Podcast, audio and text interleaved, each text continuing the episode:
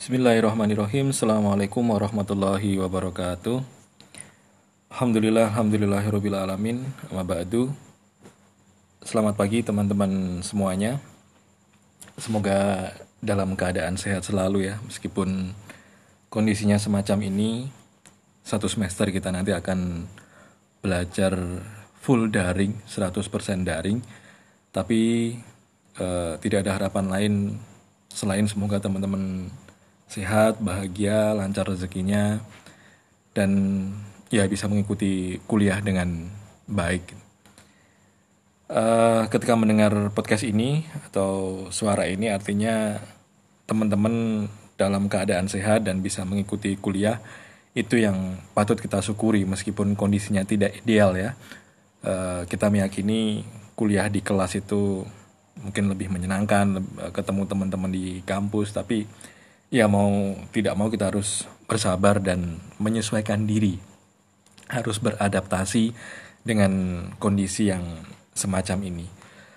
Baik uh, alhamdulillah kita bertemu di semester ini di mata kuliah Islam dan budaya Jawa. Uh, tidak terasa teman-teman sudah semester 5 ya. Uh, tahun depan apa semester depan sudah semester 6 itu semester akhir dapat teori habis itu KKN KKL PPL ya. Terus kemudian skripsi dan lulus gitu. Tidak terasa itu. Rasanya seperti baru kemarin kita nonton film PK bareng-bareng gitu di semester 2 gitu. Dan kita mendiskusikannya dengan apa men, apa namanya ya, antusias begitu dengan sangat seru kita mendiskusikan film PK tapi uh, ternyata sekarang sudah semester 5 gitu. Uh, baik, jadi di mata kuliah Islam dan budaya Jawa ini sebetulnya ini bukan mata kuliah yang apa ya berat itu. Ini sebenarnya kalau saya boleh bilang ya cukup ringan karena karena begini di di semester satu atau dua mungkin teman-teman sudah dapat mata kuliah SPI sejarah peradaban Islam lalu di semester 3 itu teman-teman dapat sejarah dakwah gitu. Artinya kalau sudah dapat dua mata kuliah itu uh, tidak tidak terlalu sulit sih. Maksudnya begini karena ada beberapa bagian uh, yang sifatnya pendalaman atau perspektifnya sedikit diubah gitu. Misalkan ya di SPI sejarah peradaban Islam mungkin teman-teman belajar tentang Wali Songo di sejarah dakwah teman-teman juga belajar tentang Wali Songo. Di Islam dan budaya Jawa, ini nanti teman-teman juga akan belajar tentang Wali Songo. Tapi perspektifnya lain. Wali Songo di sejarah peradaban Islam itu melihat Wali Songo sebagai bagian dari sejarah bangsa. Tapi kalau di sejarah dakwah, melihat Wali Songo dari perspektif dakwah. Uh, ya Wali Songo itu adalah pendakwah yang mendakwahkan Islam di Indonesia tapi di Islam dan budaya Jawa, Wali Songo dilihat uh, ya mereka menggunakan kebudayaan Jawa loh untuk untuk mendakwahkan wayang, gamelan dan seterusnya gitu. Jadi sudut pandangnya. Dan saya harus bilang begini, uh, mata kuliah ini apa ada kata Jawanya dan mohon maaf saya menduga anak KPI tidak hanya Jawa tentu saja ya. Saya ketemu anak KPI yang asli Jakarta ya ya meskipun bahnya atau bapak ibunya orang Jawa tapi dia sudah tumbuh lahir dan tumbuh di Jakarta gitu yang dia sudah berjarak sekian tahun gitu dengan dengan tanah leluhurnya begitu. Yang yang barangkali dia nggak terlalu ngerti kebudayaan Jawa bahasa Jawa pun juga mungkin sedikit sedikit itu kita juga pernah punya mahasiswa dari Thailand ada mahasiswa dari Kalimantan, dari NTT, dari NTB. Beragam sekali. Mata kuliah ini judulnya Islam dan Budaya Jawa, sedikit problematis. Karena ya kalau sudah bicara Jawa ya ya akan ya Jawa gitu Jawa apalagi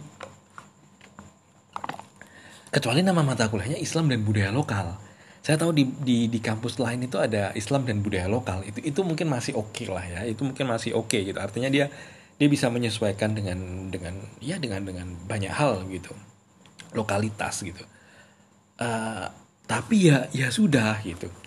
Ini Islam dan budaya Jawa dan mungkin ya uh, eh, IAIN di atau di masa Stein ya rata-rata mahasiswanya sebagian besar mayoritas Karsidiner Surakarta, Seragen, Boyolali, Klaten, Wonogiri gitu ya. Tapi sekarang kan apalagi udah menjadi UIN kan, saya pikir akan semakin heterogen gitu, akan semakin heterogen sekali. Gitu. Jadi ya perlu saya pikir peninjauan ulang nama mata kuliah ini itu tidak lagi Islam dan budaya Jawa tapi Islam dan budaya lokal gitu. Meskipun ya ya boleh jadi ada benarnya bahwa Solo adalah sebuah laboratorium.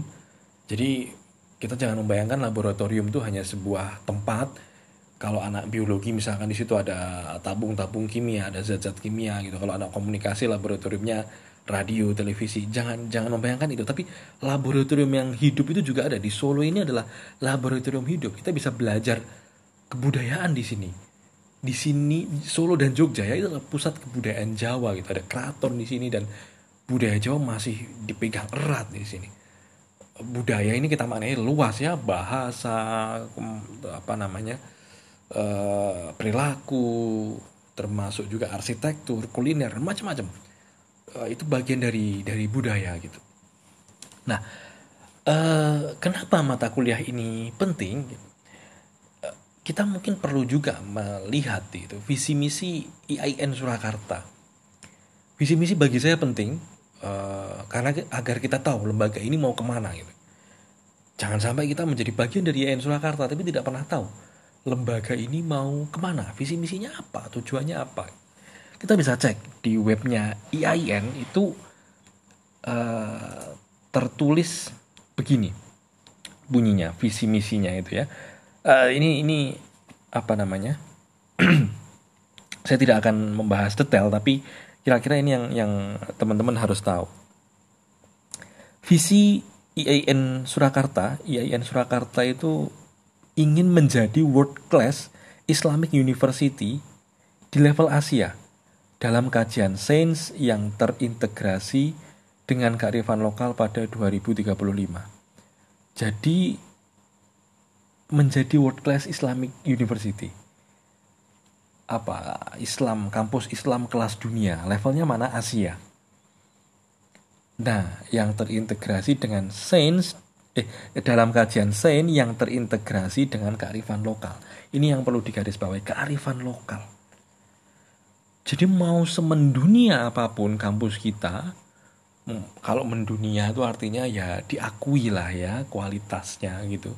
Kita akan di masa mendatang itu kita mungkin akan mendapatkan banyak mahasiswa tidak hanya dari Indonesia tapi Malaysia, Thailand, Brunei, Singapura itu itu akan datang ke sini dan belajar di sini, belajar Islam di sini. Tapi yang unik adalah ini terintegrasi dengan kearifan lokal. Uh, kita tarik uh, saya ingin menarik ke masa-masa di mana saya kuliah di UIN Jakarta dulu tidak ada mata kuliah kok Islam dan budaya Jawa ya? Tentu nggak ada lah ya karena di Jakarta. Mata kuliah Islam dan budaya lokal pun juga tidak ada. Ini kan menjadi pertanyaan menarik kenapa gitu ya kita bisa membayangkan Jakarta itu heterogen sekali.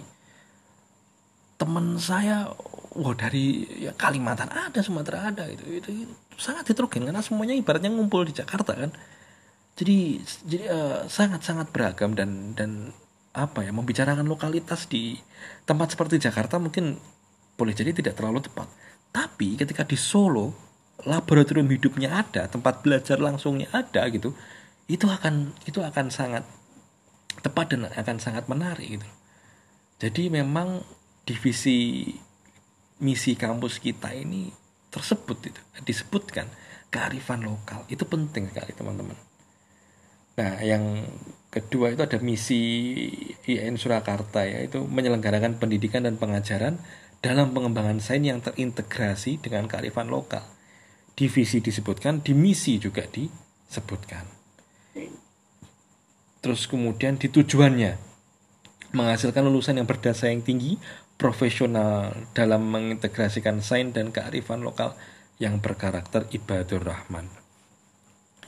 Uh, ada kearifan lokal di sana. Artinya ini yang harus kita pelajari, yang harus kita jaga, yang harus kita lestarikan karena sesungguhnya kekayaan bangsa kita ini kan di kearifan lokalnya ya. Dan gini loh, sebenarnya tujuan mata kuliah Islam dan budaya Jawa itu sebenarnya begini. Uh, di satu sisi ada Islam, di sisi lain ada kebudayaan. Fair ya, jelas ya, clear ya. Ada Islam, ada kebudayaan hari ini harus kita akui juga ada orang-orang, ada kelompok, sekelompok orang yang ingin memisahkan antara agama dan budaya. Agama ya agama aja, budaya ya budaya, jangan dicampur adukkan gitu. Kalau bisa tuh ya agama yang murni. Gitu. Nah ini nanti juga debatable dan problematis juga. Murni itu yang, yang bagaimana gitu. Tapi coba cek sejarah bangsa kita. Nggak usah jauh-jauh deh. Coba cek apa Idul Fitri. Idul Fitri Lebaran. Kita makan ketupat makan opor. Dan ya tidak pernah ada masalah gitu. Apa apa salahnya makan ketupat dan makan opor itu tradisi kita bahkan kita sering kali merasa wah ada yang kurang ya kalau lebaran nggak ada ketupat. Bahkan lebaran itu kan kalau di Jawa tidak hanya di satu sawal nanti seminggu setelah lebaran itu kan ada istilah apa bodoh kupat misalnya lebaran ketupat. Di mana apa di pasar-pasar itu dijual ketupat dan orang-orang memasak uh, opor malah justru tidak di hari pertama tapi di hari ketujuh. Dan dengan itu kita tidak ada masalah. Ya aman-aman saja. Ngapun kalau kita mau goblok-goblokan begitu misalnya ya. Di Al-Quran dan di hadis Nabi tidak ada anjuran untuk memasak opor dan ketupat. Tapi ya kita memasaknya memakannya menikmatinya di hari yang fitri itu di hari yang suci itu, itu. Dan tidak ada persoalan. Artinya sebetulnya ya ini ini ini kita ingin melihat jembatan. Kita ingin melihat jembatan ada kita ingin tidak ingin saling apa ya terus antara budaya dan Islam tuh gontok-gontokan enggak bisa kok bersatu Nanti kita akan bahas lebih lanjut lah. Banyak sekali contohnya. Arsitektur masjid, macam-macam lah. Macam-macam. Jadi uh, saya pikir ini penting dan ya salah satu tujuannya apa orang Jawa itu ya jangan hilang Jawa nih itu Wong Jawa cuy hilang Jawa nih. Ini dalam konteks Jawa ya ini, ini bisa kita aplikasikan ke mana-mana kalau kamu Sunda ya orang Sunda jangan hilang kesundaannya. Orang Betawi jangan hilang Betawinya. Orang mana lagi? Kalimantan jangan hilang ke Kalimantanannya. Karena itu ada sesuatu yang harus kita jaga ada sesuatu yang harus kita lestarikan. Dan itu nilai-nilai luhur. Agama mengajarkan nilai-nilai luhur. Kebudayaan juga mengajarkan nilai-nilai luhur. Jadi tidak perlu saling dinegas, dinegasikan tidak selalu saling dikontok-kontokkan gitu. ini ini ini saya pikir uh, penting dan menarik apalagi yang lagi viral ya apa film pendek uh, tilik ya. Itu kan full pakai bahasa Jawa. Dan itu itu kebudayaan kita itu wajah kebudayaan kita. Saya tidak ingin bicara panjang lebar lah tentang Bu Tejo yang yang julid itu. Tapi coba lihat. Itu kan menarik sekali. Kalau kalau kita mempelajari budaya kita ini bagi anak broadcast terutama ya bagi anak broadcast kalau kita mempelajari budayaan kita itu kan kita bisa menggali itu sisi-sisi menarik kebudayaan itu ada di sana. Tile itu kan sangat lokal sekali. Sangat lokal sekali. Ya kalau mau kita cari gaduhannya dengan budaya Islam ya itu dengan apa namanya dengan tradisi Islam atau atau anjuran dalam Islam kalau ada saudaramu yang sakit jenguklah kan gitu kan. Itu anjuran dalam Islam. Diimplementasikan dalam Jawa itu tilik. Dan itu adalah menunjukkan betapa manusia Indonesia atau manusia pada umumnya adalah makhluk sosial. Tidak bisa hidup sendiri. Hidupnya harus apa kita harus peduli. Di Jawa itu kan budaya guyub rukun itu kan masih ada kan. Makanya enek istilah tilik gitu. Meskipun jujur bagi bagi saya orang Ponorogo tilik itu istilah baru gitu. Kalau di Ponorogo itu apa ngendangi wong loro. Wong loro itu diendangi bukan bukan ditilii tilik itu makanan. Ejal soto kae ditiliki wes asin apa urung? Ponorogo tilik itu ngicipi makanan. Tapi kalau di di sini tilek itu tilek bayi tilek wong loro gitu ya. Tapi kalau di Ponorogo enggak tilek itu ya nilai nilai itu mencicipi gitu lah saya diprotes itu ngindangi itu kasar ngindangi itu bukan untuk orang tapi ngindangi itu untuk apa misalnya sawah gitu benda mati itu ngindangi sawah gitu tampaknya itu apa lagi ngindangi sawah itu ya ini loh dari sisi bahasa aja sudah sudah sudah menarik kan istilah tile itu sendiri tidak tidak terlalu dikenal sebetulnya di Jawa Timur. Mungkin ada teman-teman dari Jawa Timur itu tile itu tidak tidak terlalu connect gitu. Apa tile gitu. Terus kemudian apa misalnya yang beda lagi mari gitu. Mari itu bagi orang ya bagi Ponorogo dan dan Solo masih sama ya. Mari itu ya artinya sehat, loro mari. Tapi kalau di Surabaya mari itu apa? Mari mangan, bar mangan, selesai makan. Jadi dari segi bahasa saja kita sudah sudah sangat berbeda dan ya kita bisa artinya gini loh uh, saya pikir yang menghasilkan film Tile kalau kita kembali ke ke film Tile itu ya adalah orang yang sangat cerdas. Dia bisa menangkap fenomena budaya yang yang sebetulnya barangkali remeh temeh tapi justru itu kayak mewakili kita gitu. Butejo, Yuning, Yusam itu ada di ada di kampung-kampung kita model-model yang begitu itu. Artinya kita hanya perlu melihat lebih dekat. Sementara fenomenanya adalah kita kayak merasa malu menjadi Jawa, kita merasa malu menjadi Medok. Apalagi di sinetron-sinetron atau di televisi pada umumnya, Jawa dikonotasikan buruk. Bakul bakso, bakul sego goreng, pembantu, kuli, ya kan? Itu di, dipersepsikan sangat buruk orang Jawa. Padahal tidak gitu ya, dan harus bangga mohon maaf ngapunten kalau ada yang tersinggung saya sejujurnya agak kurang serak agak geli gitu kalau ada orang Jawa. Asli Jawa sebetulnya tapi ngomongnya lu gua. Lo gue. Walah lah. Ngapunten itu itu bagi saya agak agak gimana itu ya ya, ya silahkan aja. Itu bukan yang kayak dosa besar itu bukan juga. Tapi bagi saya itu agak agak kurang cocok gitu saya dengan dengan yang yang semacam itu begitu ya. Jadi uh, apa ya uh, ya jangan kehilangan akar gitu. Dan dan berbanggalah dengan dengan menjadi orang Jawa gitu ya. Hari ini gempuran budaya itu bisa sangat bisa sangat kencang sekali gempuran budaya itu. Uh, uh, ya mau dari mana pun sih ya Korea ya ya Amerika ya dari mana pun gitu. Ya tidak salah kita menjadi masyarakat dunia ini tidak salah. Tapi kan justru harus bangga dengan akar budaya kita sendiri. Cina, Jepang, Korea itu kan sebenarnya coba cek. Mereka bangga dengan dengan akar budaya sendiri. Dan dengan menghidupi budaya itu justru mereka malah justru kuat dan ya bahkan budayanya bisa mengglobal. Makanan lagu uh, film itu kan produk-produk kebudayaan kan. Itu bisa mengglobal. Itu diiringi rasa bangga terhadap diri kita sendiri gitu. dan ya siapa lagi yang mau melestarikan kalau bukan kita? Makanya dari awal saya bilang wong itu hilang Jawa nih orang Sunda jangan kehilangan Sundanya Betawi jangan hilang Betawinya. Uh, yang Dayak ya tetap pertahankan kedayaannya itu karena di sana ada nilai-nilai yang harus dijaga ada nilai-nilai yang uh, apa ya adiluhung lah ya ada yang yang yang yang keren begitu yang ya kita harus bangga dengan yang semacam itu Oke, jadi saya kira itulah ya pengantar ringkas uh, mata kuliah Islam dan budaya Jawa. Nanti akan saya share tema tema-tema apa yang akan kita kaji. Nanti kita akan belajar tentang santri priai abangan. Nanti kita akan belajar juga uh, tentang apa namanya pribumisasi Islam.